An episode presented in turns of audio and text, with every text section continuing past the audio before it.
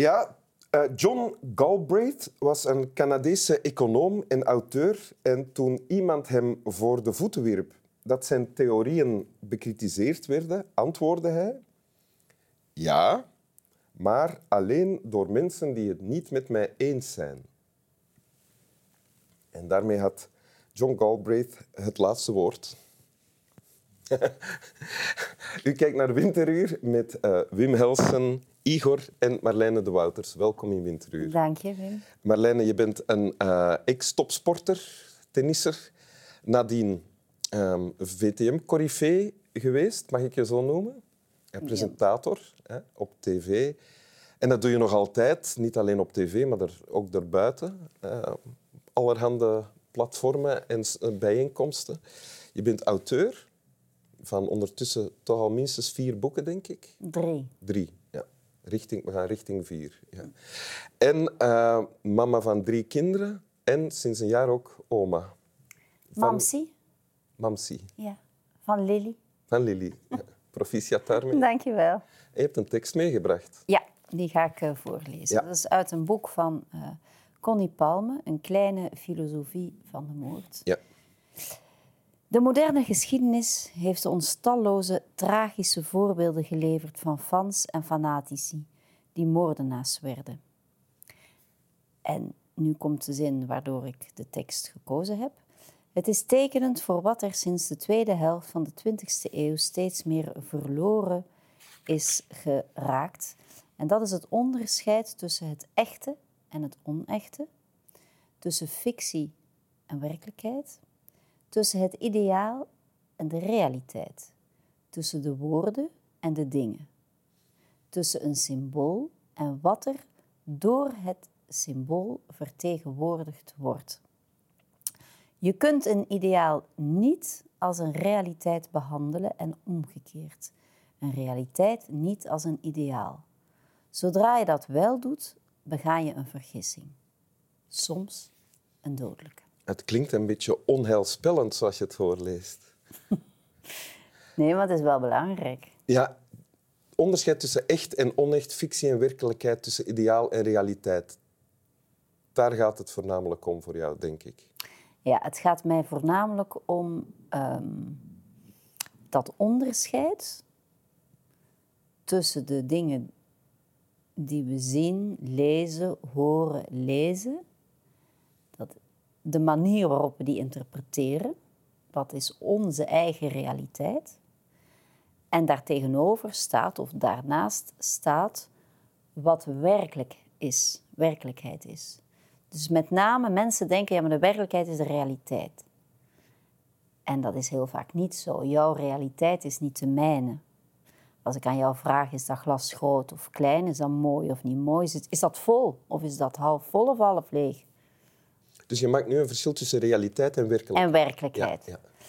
En de werkelijkheid is, de realiteit is zoals jij dat wil zien, maar de werkelijkheid is toch het is een glas, daar kunnen we het over eens zijn. Het is geen vaas. Of, dat is... We noemen het een glas. We noemen het het, mm, het... het, is een glas of een vaas. Het is van, het is van glas. het is van glas, ja. Dus, en ik denk, uh, voor sommige dingen zijn, is dat niet zo belangrijk, maar voor anderen wel. Mm Wanneer is het wel belangrijk? Ja, als uh, op grote wereldschaal, als wij dingen lezen uh, over oorlogen of over wat dan ook, en we gaan dingen als werkelijkheid beschouwen, terwijl, ze misschien, terwijl misschien een loopje is genomen, bewust of onbewust, met de feitelijke elementen die maakt, maken dat wij dat gaan geloven. Mhm. Ja of nee? Dat, is, dat kan heel belangrijk zijn. Ben jij al ooit slachtoffer geweest van mensen die het verschil tussen ehm, ja, realiteit en ideaal niet uh, goed kunnen maken?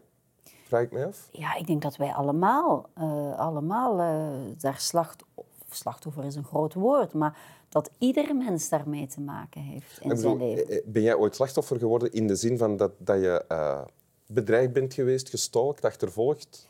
Nee, ik heb wel iemand die mij stalkt in de zin van, het is, het is, ik ben er niet bang van, maar het is soms wel een beetje vervelend, die allerlei profielen aanmaakt en iedere keer mij vraagt om vrienden te worden op de sociale media. En dat gebeurt onder een naam. En als dat dan niet lukt, dan maakt hij allerlei profielen aan. En dat, die verzint dus namen, maar dat zijn wel mensen die echt leven. Dat zijn mensen uit mijn omgeving, familieleden of vrienden. Of namen van mijn ex-man, eh, die achternaam. Dus het is, zijn wel mensen die toch weten wie mijn vrienden zijn. En voelt dat bedreigend voor jou? ik, ik, ik heb wel zoiets van, hé, dat is toch wel iemand ten eerste die weet hoe, ze, hoe hij of zij daarmee moet omgaan. En eh, die ook veel weet over mij. Want anders zou die niet weten dat de zus van mijn ex-man of mijn schoonzus of mijn tante of weet ik veel wat. En jij hebt geen idee van de persoon achter... Ja, ik denk het wel. Ah. Ja, ik denk het wel. Ik ken die niet. Dus ik heb dat, ben daar ook wel mee naar de politie gegaan. En dan is dat een beetje gestopt. En, en nu onlangs begint dat weer een beetje. En zouden we dan kunnen zeggen, om terug te gaan naar de tekst, dat die man, ik veronderstel dat het een man is. Ik weet het niet. Ah nee, oké. Of dat figuur, Ja, hè, ja. dat die een ideaalbeeld heeft eh, gemaakt van Marlene. Wie en hoe Marlene de Wouters is en hoe, zij, Dat weet hoe ik jouw niet. aanwezigheid in zijn of haar leven hem ehm, zou kunnen vervolledigen. Ik, ik weet dat niet. Als ik moet blijven bij de feitelijke elementen, dan kan ik alleen maar vaststellen dat dat iemand is die graag na, dichterbij wil komen in mijn privésfeer. Om welke reden dan ook. Dat kan zijn omdat hij dat interessant vindt om aan zijn vrienden of haar vrienden te zeggen: Ja, maar ik ben bevriend met die. Ik, ik, weet, het. ik weet niet hoe ver dat gaat. Nee. En je bent er ook niet mee bezig meer dat af te Nee, ik ben er ook niet meer mee bezig. Nee. ik, nee. Ik, heb, ik ben het wel gaan aangeven. Eh, en ik heb wel gezegd van, ik denk dat er iets aan gedaan moet worden, want het wordt een beetje vervelend. Want je ziet ook dat als die profielen aanmaakt, dan vraagt hij aan anderen, aan vrienden van mij, om bevriend te worden. En dan denken die mensen dat dat die persoon is, maar dat is die persoon helemaal niet.